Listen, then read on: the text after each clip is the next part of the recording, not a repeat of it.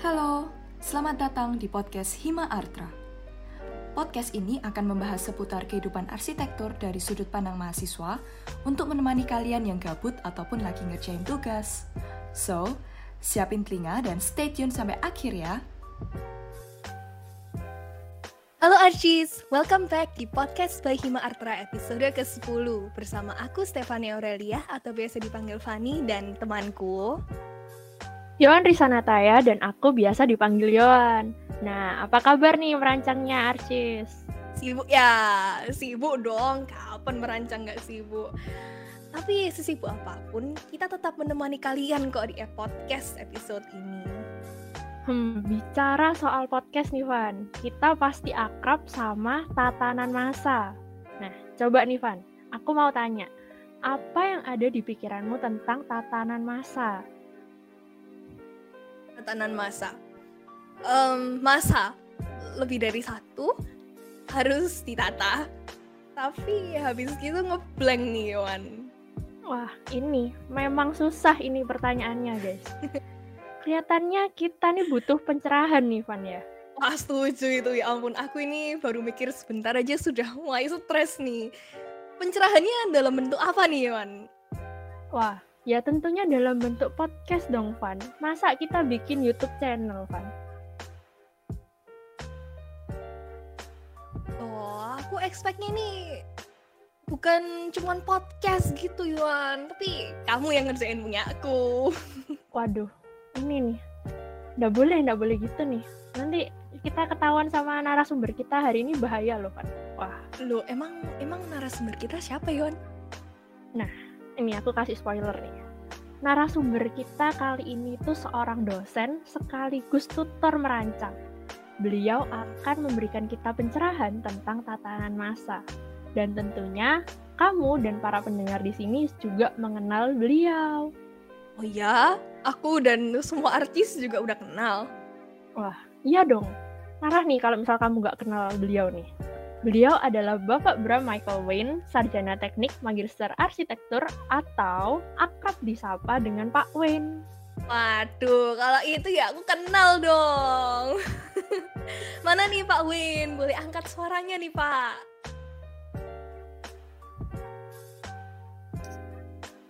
Halo, halo, selamat malam. Halo Stefani, halo Yohan. Halo, halo Pak. Pak. Oke. Kita langsung ke pertanyaan pertama atau gimana nih, Van? Waduh, ditanya kabarnya dulu dong, Iwan, tamu oh, kita hari ini. Wah, gimana nih, Pak, kabarnya, Pak? Baik, baik-baik saja. Ini kayaknya kalian pada bingung-bingung nih sama nih ya. Wah, iya nih Pak, gimana ya? Aduh, kepikiran terus ini sampai aku tidak bisa jawab pertanyaan dari Yohan tadi. Aduh. Udah pusing dikejar deadline, waduh, gimana nih ya? Wah, parah. Ya, kalau gitu mending kita langsung masuk aja ke pertanyaan ya, Yohan, daripada kita pusing-pusing mikirin, wah apa nih tatanan masa, apa yang harus dikerjain gitu ya. Oke, kita mulai dari pertanyaan yang paling dasar Oke Pak, kita langsung mulai ya Pak. Eh, semangat. Dode. Apa sih yang Bapak tahu tentang tatanan masa itu? Oke, tatanan masa ya. Sebenarnya yang iya. mendasar dulu nih. Kalian tahu apa itu masa? Tahu nggak apa itu Bangunan masa? Pak. Bangunan. Nah, baik. Sebenarnya masa itu tidak hanya bangunan loh Yohan sama Stefani. Masa itu bisa juga sebagai shelter bisa juga sebagai instalasi gitu ya. Dan salah satu bagiannya adalah bangunan itu sendiri. Nah, kalau ditanya apa itu Pak maksudnya tatanan masa gitu ya. Kalian sudah belajar tentang masa gitu ya. Kalian sudah belajar tentang tapak belum? Tahu nggak tapak itu apa? Nah, kalau ngomong tapak itu adalah berarti tempat di mana masa itu akan berdiri. Nah, tatanan masa sendiri itu berbicara bagaimana sih masa itu akan berdiri di dalam tapak gitu ya. Bisa jadi masa tunggal atau masa satu buah yang berada di sebuah tapak, bisa juga masa banyak. Bagaimana caranya kalian menata masa tersebut di dalam tapak itu yang disebut sebagai tataran masa. Gitu Yohan sama Stefani. Waduh, bentar banyak sekali informasinya ya Pak. Oh banyak ya. Mungkin harus dicatat dulu nih Van ya. Kita harus siap-siap note dulu ini. Iya nih. Wah, gimana nih Yohan? Kalau Hmm? kalau dari aku sih ya Hmm. sudah ada gambaran-gambaran gitu sih Van tatanan masa itu gimana gitu. mana nih gambarannya Yohan? Waduh, disketsa dulu dalam otak nih Van. Mungkin kita perlu pencerahan lebih lanjut nih dari Pak Wayne. Kira-kira apa nih Pak hal pertama yang perlu diperhatiin dalam tatanan masa nih Pak?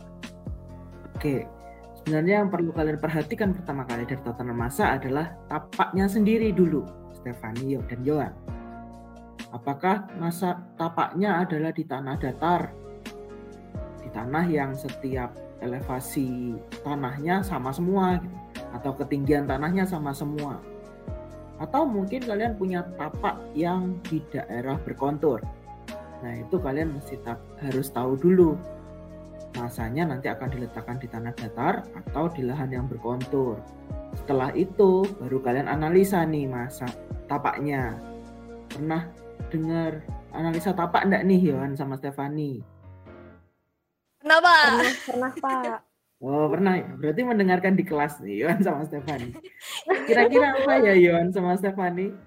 Kalau misalnya kalian mau analisis tapak, Dianalisa view-nya yang bagus di mana, analisa angin, matahari, potensi, problemnya gitu ya Pak. Nah, betul Yohan. Jadi kalian perlu analisis itu baru bisa oh seharusnya masa itu ditatanya seperti apa toh. Yang menarik dari tatanan masa apa toh? Misalnya kalian bahas tentang view nih. Sehingga mungkin kalau menata masa orientasinya atau arah hadap masanya itu menghadap ke view. Atau mungkin pada saat kalian mau menata masa oh masa setiap masa banyak setiap masanya akan membuat ruang di tengah nih. Nah itu itu mulainya dari analisis tapak dan analisis terkait dengan masanya sendiri yang mau dituju ke konsep mana. Gitu Yohan sama Stefani Oke, berarti aspek pertama yang harus dilihat itu tapaknya nih Pak. Ayo kita harus analisa tapak lebih lanjut habis gini Pak. Waduh, iya nih nggak cukup cuman apa namanya cuman cuacanya gimana tapi juga macam-macam tadi itu ya Yohan ya sampai memunculkan kira-kira gambarannya tatanan masanya nanti mau bagaimana Iya, bener tuh Van. Oke, lanjut. Nah, pertanyaan berikutnya nih Pak. Aspek apa yang paling penting yang perlu dipertimbangkan dalam menata masa? Apakah sama juga tapaknya juga atau ada aspek lain juga yang sama pentingnya nih Pak? Oke mungkin kalau yang paling penting itu ada beberapa yang penting ya Yohan sama Stefani salah satunya adalah tapak itu sendiri kenapa karena tanpa tapak bangunan itu atau instalasi itu atau shelter itu mau ditaruh di mana gitu kan. Terus yang berikutnya adalah kefungsian Yohan dan Stefani. Fungsinya sebagai apa? Mereka butuh apa sih secara fungsi gitu ya. Lalu yang terakhir adalah potensinya. Potensinya yang diambil dari fungsi, dari tapak itu apa saja sih?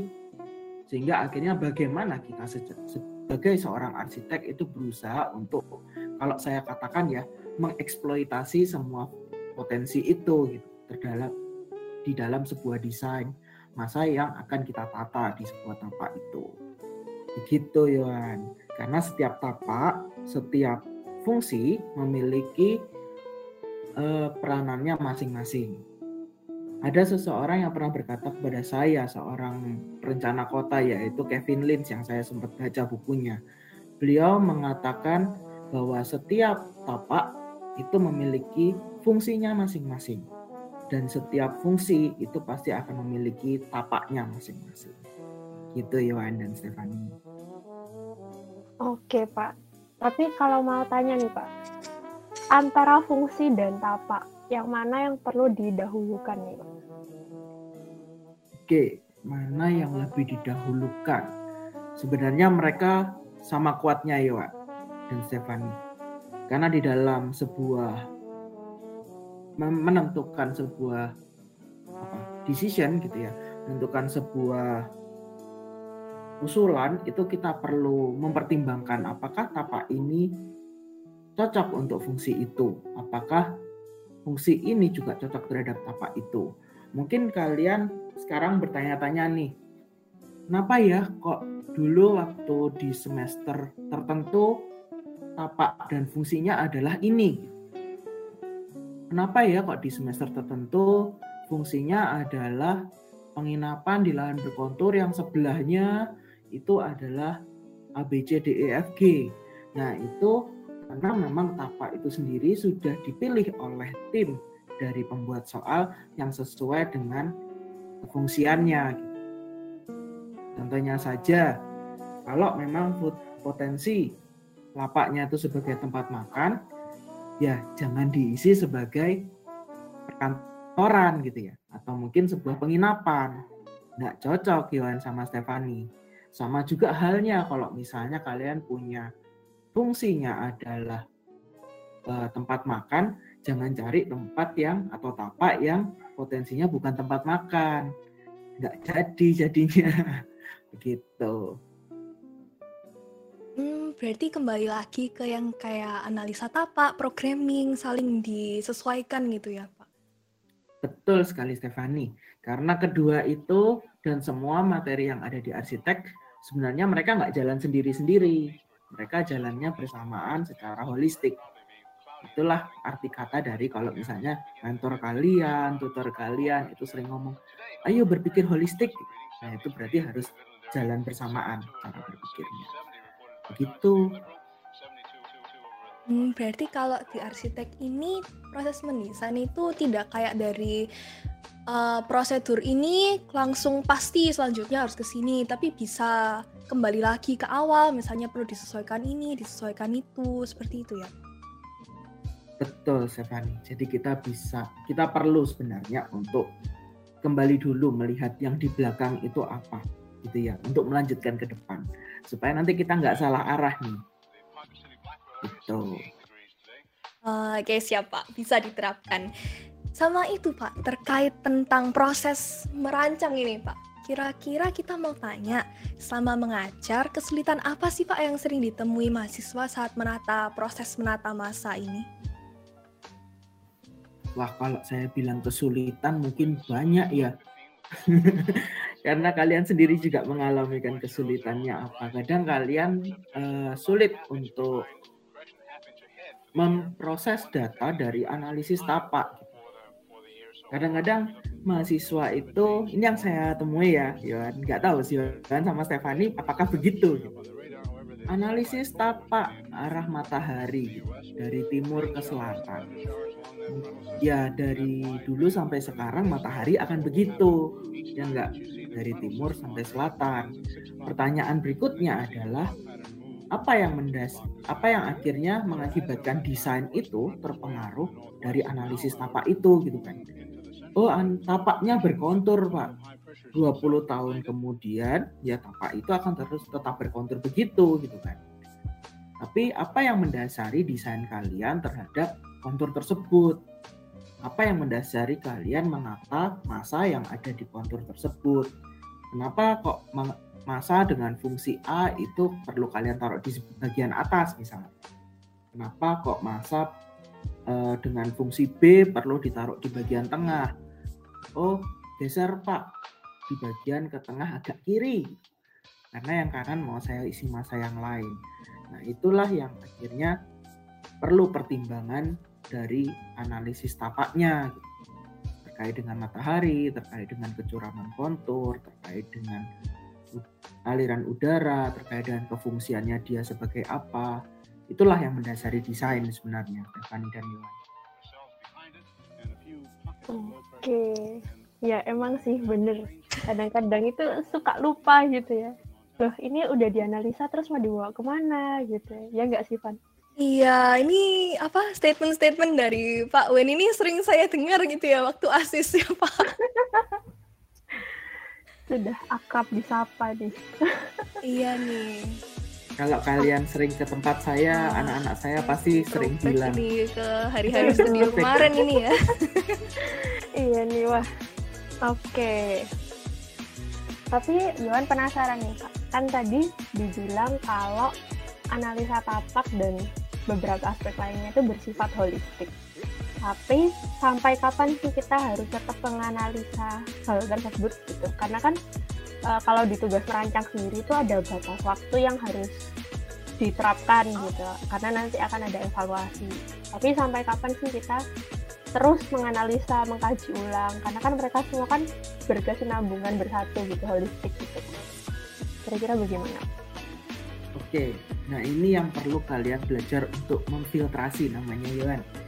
Jadi tidak semua analisis itu sebenarnya tidak perlu kita analisis. Mind blown gitu ya. Karena kadang gini ya yang saya sering lihat nih analisis tapak adanya matahari gitu. Tapi pada dasarnya matahari itu tidak berperan dalam desain. Ya ngapain kita analisis gitu kan? Jadi itu dihapus saja gitu jadi akhirnya mengurangi beban kita sendiri sebenarnya oh ya saya nggak butuh nih matahari jadi nanti saja untuk kalau misalnya saya butuh analisis sehingga dalam proses desain yang saya sarankan adalah kenali dulu permasalahan kalian gitu ya. Masalah saya apa toh terkait dengan fungsi dan tapak. Setelah itu yang perlu saya kejar apa? Yang tidak perlu saya kejar itu apa? Jadi ada proses di mana kita memang perlu mengeliminasi beberapa elemen yang akhirnya membuat desain kita telah menjadi tidak berguna. Gitu. Makanya saya selalu tanya, terus analisisnya dipakai buat apa? sering Yon sering denger ini pak oke iya sih memang tapi kalau misal kayak gitu berarti kita memang cuman menonjolkan salah satu elemen aja gitu ya pak. Nggak semuanya langsung gitu. Hmm, mungkin bukan salah satu ya Yon tapi beberapa. Hmm. beberapa yang menjawab masalahmu. Sehingga tidak perlu semua sebenarnya. Kalau semua nanti lembar kalian bisa cukup banyak, cara berpikir kalian cukup banyak dan akhirnya sangat apa istilahnya melelahkan otak gitu ya. Kalau kemarin ada yang sempat diskusi dengan saya, Pak, otak saya sudah habis gitu. Kapasitas otak saya sudah habis gitu. Ya sudah, pergi dulu beli nasi padang yang pakai lauk otak gitu. Supaya mungkin nambah kapasitasnya. Gitu. Itu memang perlu apa ya kita perlu memilah itu ya. Jangan sama sama oke pak. Ya oke lanjut nih kan ini pak di semester awal-awal di semester 1 gitu kita kan belajar tentang komposisi dan tata letak elemen gitu yang gambar-gambar abstrak-abstrak gitu itu tuh apakah ada apa ya ada keterkaitan atau sama yang dilakukan dengan menata masa gitu Apakah ada keterkaitannya antara tata letak elemen komposisi itu dengan menata masa gitu. Oke, menarik nih. Karena kalau kalian lihat-lihat dan coba kalian resapi, pelajaran dari semester 1 sampai nanti kalian semester 7 bahkan sampai TA dan mungkin nanti berkarya gitu ya itu saling berkesinambungan Johan sama Stefani. Kenapa sih kok dulu kalian di, diajari komposisi gitu ya di merancang satu? Sadar enggak kalian bahwa komposisi itu membantu loh di tatanan masa? Contohnya, pernah ingat yang uh, radial, linear, terus cluster, lalu apa centered? Pernah dengar itu enggak? Masih ingat itu enggak? Dekacing pernah bilang tuh Pernah, pernah Pak. Sering lihat di bukunya ini Pak. Ya, familiar kok ya, Pak. Sudah familiar. Itu kan materi merancang satu kan? Materi yeah. semester awal toh. Nah lalu pernah ingat nggak yang namanya repetisi, terus hierarki, lalu ada yang berbicara tentang skala, terus juga berbicara tentang proporsi, berbicara juga tentang apa empasis gitu ya. Nah itu berguna sekali untuk tatanan masa. Jadi pada saat kalian menata masa, akhirnya komposisinya seperti apa? Apakah nanti kalian menggunakan komposisi yang linear, Pak, sirkulasinya misalnya? Sehingga masanya harus ditata sedemikian rupa. Oh, ada kesinambungan antara masa satu dengan masa yang lainnya. Oh, masa itu mengarahkan loh, Pak. Oh, masa itu merespon. Oh, masa itu menjadi sebuah apa istilahnya? Kalau dalam bahasa arsitektur namanya landmark atau sebuah tetenger gitu ya atau sebuah sesuatu yang menjadi focal point dalam desain gitu atau yang jadi point of interest. Nah, ini kalau misalnya kalian masih bingung apa itu bisa di Google deh. Itu artinya apa gitu ya. Terus juga misalnya kalian ada titik bidang titik garis. Masih ingat nggak ini Yohan sama Stefan? Ingat Pak. Ingat dong, Pak. Ingat dong. Nah, sekarang saya tanya nih dalam komposisi yang kalian desain bidangnya apa gitu, yang berperan sebagai bidang apa gitu. Apakah oh Pak plaza saya menjadi sebuah bidang di dalam desain. Oh Pak, masa utama saya yang menjadi bidang dalam sebuah desain gitu ya. Lalu elemen titiknya apa? Oh seperti pohon Pak. Titiknya saya anggap sebagai sebuah pohon yang akhirnya mengarahkan. Oh titiknya itu adalah sebuah gazebo misalnya yang akhirnya menjadi sebuah tempat peristirahatan. Oh garisnya adalah berupa barrier dinding misalnya. Atau mungkin elemen dalam landscape gitu ya seperti rumput, seperti semak-semak, atau mungkin sebuah jajaran pohon yang sangat rapat. Terus misalnya juga, oh masa saya berperan sebagai bidang yang mengarahkan. Nah itulah fungsi fungsi dari pelajaran semester 1 komposisi yang dipakai di semester 2, semester 3, 4 sampai nanti kalian kerja pun bisa dipakai. Gitu Yohan sama Stefani. Ah, Oke, siap nih Pak. Bicara tentang komposisi nih Pak. Tadi kan yang Bapak jabarkan tadi komposisi terkait dengan tatanan uh, elemen-elemen dalam masa gitu ya Pak. Kita nih mau tanya Pak, kira-kira untuk komposisi ini lebih duluan ditata tatanan masanya misalnya dalam block plan dulu atau menentukan kira-kira komposisi bentuk bangunannya lebih dulu ya Pak. Kira-kira lebih duluan mana ya Pak? Oke, kalau misalnya cara berpikir ya, itu kan ngomongnya cara berpikir Stefani sama Yohan. Sebenarnya bisa mulai dari sisi yang mana saja, Stefani dan Yohan. Tergantung uh, setiap pribadi kita lebih kuat di mana. Misalnya nih ada yang lebih kuat ke bentuk masanya dulu.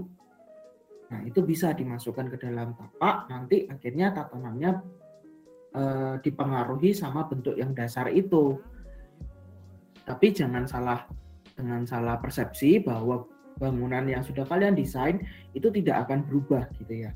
Kadang kita atau mahasiswa juga gitu ya, saya sendiri pun juga seperti itu, eh, sangat kekeh gitu, kekeh atau apa ya, sangat berpendirian teguh dengan sebuah desain sehingga enggan untuk mengganti atau agak susah untuk mengganti desain itu.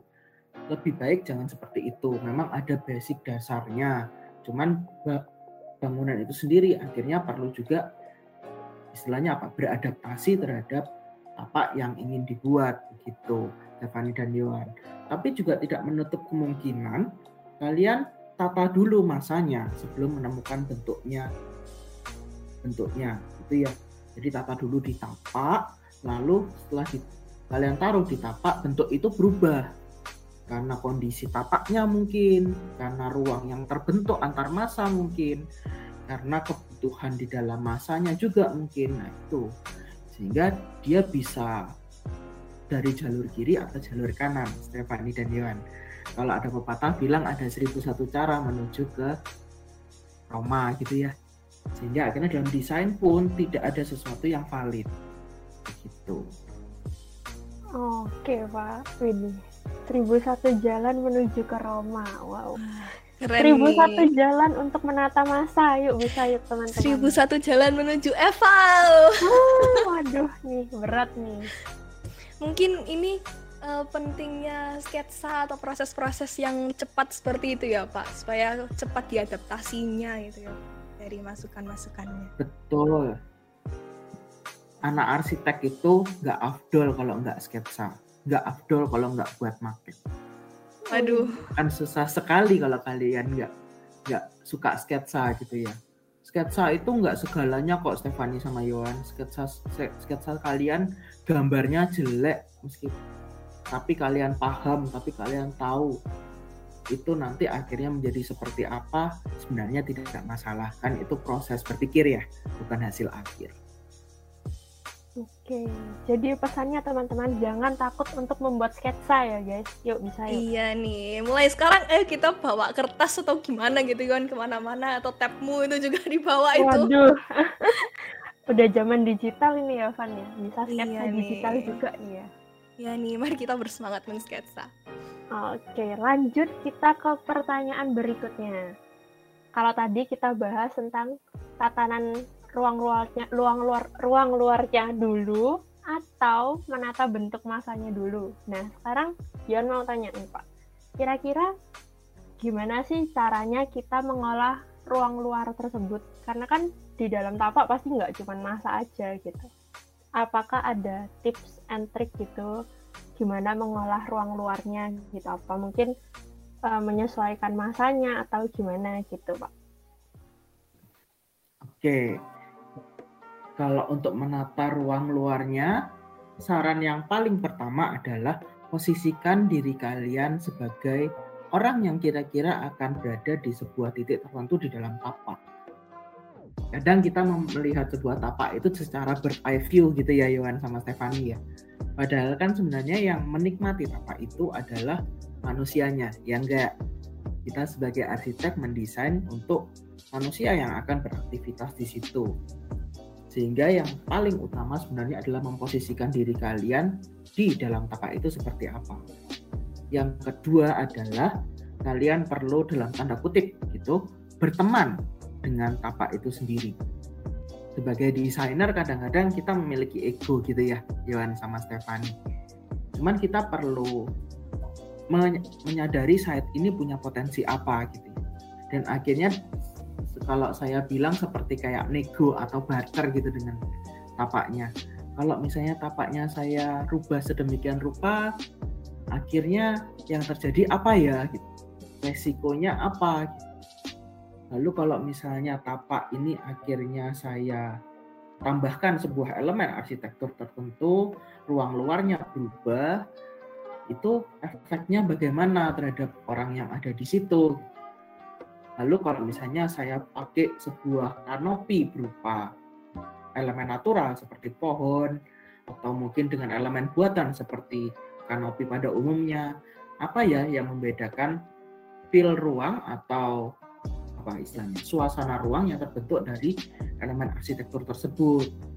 Nah itu yang perlu kita posisi memosikan, sorry, itu di mana kita perlu memposisikan diri kita sebagai orang yang berdiri di titik tersebut. Kesannya bagaimana ya kira-kira kalau saya tambahkan elemen arsitektural ini? Kesannya bagaimana ya sebuah lorong antar bangunan itu? Kalian masih ada yang tahu nggak D per H? antara jarak dan tinggi bangunan. Tahu, nah, itulah. Ya, tahu, Pak. Tahu ya. Nah, itu materi merancang berapa itu? Merancang satu, ya enggak? Iya, Gitu. Pak. Awal-awal ya. Itu Oh. Yohan dan Stefani. Oke. Memang ini ya. Iya, banyak, yang harus di, banyak harus dipikirkan ya. Kita harus menjadi miniatur ini mungkin masuk ke dalam market gitu, merasakan gimana ya kira-kira kalau di sini di tapak ini. Mungkin kita harus siap-siap bikin metaverse sesuai masa kita mungkin ya. Ya. Waduh, mungkin ya. Wah, terutama gimana ya? Apa namanya kalau kita susah membayangkan itu mungkin bisa membuat 3D-nya atau bisa bikin market itu mungkin membantu gitu ya Yohan ya. Sekalian di Hmm. metaverse gitu. Bener nih, sekalian merasakan gitu ya kan jalan-jalannya gimana. Gitu. Iya nih kangen jalan-jalan gitu ya. Oke. Oke, kita ada pertanyaan lagi nih Pak. Kira-kira kan ketika kita dalam proses studi merancang, sering kali itu jumlah masa kan sudah ditentukan. Kira-kira misalnya 8 sampai 10 gitu. Tapi kira-kira ketika kita masuk ke dunia kerja atau bagaimana proses masanya itu gimana ya Pak penerapannya? Apakah kita harus menentukan jumlah masanya dulu atau kita dari konsepnya dulu atau dari kayak yang tadi dari analisis tapak dulu atau gimana ya? Karena kan kita sudah lebih leluasa misalnya atau malah tidak lebih leluasa Pak. Kita agak curious ini. Oke. Nah, ini yang sebenarnya adalah sebuah dilema gitu ya yang dihadapi oleh nanti kalian waktu TA gitu. Kalau TA nanti kalian akan cuma dikasih udah luasan minimalnya berapa silahkan kalian desain sendiri, kalian tentukan sendiri. Begitu. Oke. Kalau untuk menentukan jumlahnya atau harus seperti apa, memang kita perlu tahu fungsinya ya. Karena kefungsian itu akhirnya mempengaruhi. Contoh saja kalau misalnya fungsinya adalah sebuah resort Nah, kalau riset kira-kira karakteristik dari riset itu seperti apa toh? Kan mungkin oh dia bermasa banyak, Pak. Banyaknya seberapa? Nanti mungkin disesuaikan dengan kapasitas penggunanya, terus disesuaikan juga dengan tapaknya sebesar apa gitu ya. Terus kalau misalnya fungsinya berubah nih sebagai sebuah tempat makan. Tempat makannya apa dulu? Tempat makan sushi atau tempat makan bakso misalnya sama tempat makan fine dining kan akhirnya memiliki kriteria bentuk masa, kriteria ruang yang dibutuhkan itu bisa berbeda-beda gitu kan. Bagaimana sih caranya kita makan rasanya seperti makan bakso juga. Jadi makan bakso dengan suasana makan bakso juga. Dalam sebuah desain seperti apa? Oh dia butuh masa banyak misalnya Pak. Dengan ada masa satu masa utama. Kalau misalnya kita mau makan sushi nih, bagaimana caranya menciptakan sebuah restoran sushi yang menunya sushi, yang feel untuk makannya adalah juga sushi juga gitu kan. Yang menarik dari sushi apa nih ayo?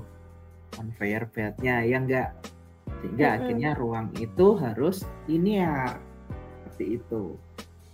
Lalu kalau misalnya mau sebuah tempat retret misalnya. Nah, kalau retret kesan retret itu sendiri bisa tercipta kalau dia masa banyak atau masa tunggal? Kira-kira ayo. Masa banyak mungkin pak. Masa banyak. Kenapa masa banyak Yohan? Biar bisa jalan-jalannya lebih leluasa pak. Biar ada banyak tempat nah, gatheringnya juga gitu betul karena dalam fungsi keretretannya dia maka dia perlu ruang luar yang cukup banyak gitu ya. Nah, ruang luar itu bisa di bisa diciptakan kalau misalnya kalian mempunyai masa yang cukup banyak sehingga ruang luarnya bisa bervariasi, memiliki kedalaman ruang yang masing-masing, memiliki keunikan ruangnya masing-masing terkait dengan aktivitasnya. Begitu Yohan dan Stefani. Oke, memang berarti tetap kembali lagi menyesuaikan dengan iya. fungsinya. Iya. Dengan programming, kemudian banyakin studi preseden gitu ya Pak, buat tahu tipologi-tipologinya. Betul, studi preseden itu adalah kunci untuk membantu kalian menemukan fungsi yang sama gitu ya. Yang lucu adalah kadang-kadang saya sering melihat nih, kalian mau bikin tempat retret tapi studi presidennya restoran. Kan nggak cocok ya. Gitu. Agak menyimpang gitu iya. Niatnya studi presiden jadi makan-makan nih iya nih. Iya kangen jalan-jalan kan Yohan memang. Wah. iya. Iya mumpung nah jalan-jalan itu ya nah jalan-jalan itu salah satu bentuk kalian akhirnya berinteraksi langsung dengan tapak yang kalian sedang jalani gitu. Itu contohnya saja pernah nggak pergi ke Jatim Park 2 nah pernah toh. Nah pernah nggak kalian membayangkan? Kadang kalau saya saya sebut arsitek ini adalah sebuah profesi yang agak sedikit aneh gitu ya. Semuanya diliatin detail-detail diliatin gitu ya. tapi memang itu adalah bidang kita gitu. Pernah nggak kalian kalau ke Jatim Park 2 itu memik belajar gimana sih caranya nata parkir di daerah berkontur? Gimana sih caranya menata sebuah sirkulasi di daerah berkontur? Nah itu kalau misalnya hanya dengan Pinterest saja apakah cukup? Kadang nggak juga loh Stephanie sama Yohan kadang ada yang teman-teman kita teman-teman kalian juga itu lebih apa ya lebih menangkap sebuah esensi desain kalau pada saat jalan-jalan ketimbang melihat gambar.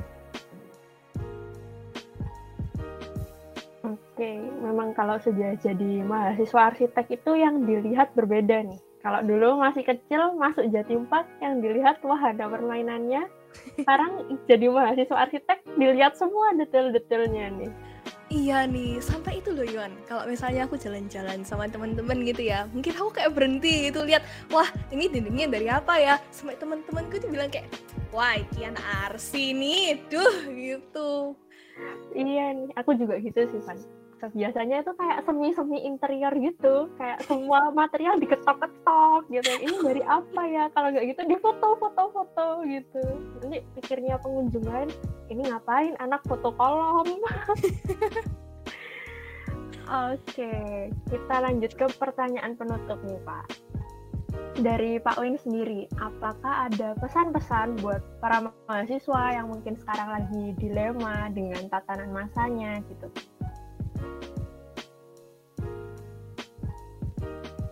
Oke, dilema dengan tatanan masa. Kayaknya kita semua akan mengalami itu ya, Yohan dan Stefani. Bagaimana caranya kita menata masa. Saya sendiri sebagai uh, praktisi yang juga sudah lulus dari 2015 masih bergumul itu. Cuman ada sesuatu yang mungkin bisa saya bagikan ke kalian pada saat kalian melihat papak itu. Jangan takut untuk membuat sebuah sketsa jangan takut untuk memperbanyak uh, dictionary kalian atau library kalian atau perpustakaan kalian gitu ya. Dengan melihat gambar lalu juga dengan mengkoleksi gambar tersebut. Bahkan sampai mempertanyakan saya tahu gambar ini bagus tapi kenapa ya saya bilang gambar ini adalah gambar yang bagus? Saya tahu desain ini bagus tapi kenapa ya kok saya bisa bilang itu bagus Coba itu menjadi sebuah perundangan dalam melihat studi presiden. Terus juga kalian perlu untuk melihat kembali waktu mendesain. Saya konsepnya apa ya? Kenapa kok saya pilih konsep itu? Sehingga akhirnya penekanannya dalam desain apa? Setiap orang akan mempunyai prosesnya masing-masing, Yohan dan Stefani. Tidak perlu terburu-buru. Tapi memang akhirnya sebuah waktu itu yang menjadi tenggat kita. Banyaklah eksplorasi, banyaklah sketsa, banyaklah melihat, dan banyaklah untuk mencoba membuka pemikiran kalian terhadap sesuatu di dunia arsitektur. Itu dari saya. Oke, wih, aplaus dulu, aplaus dulu. Wih. Oke.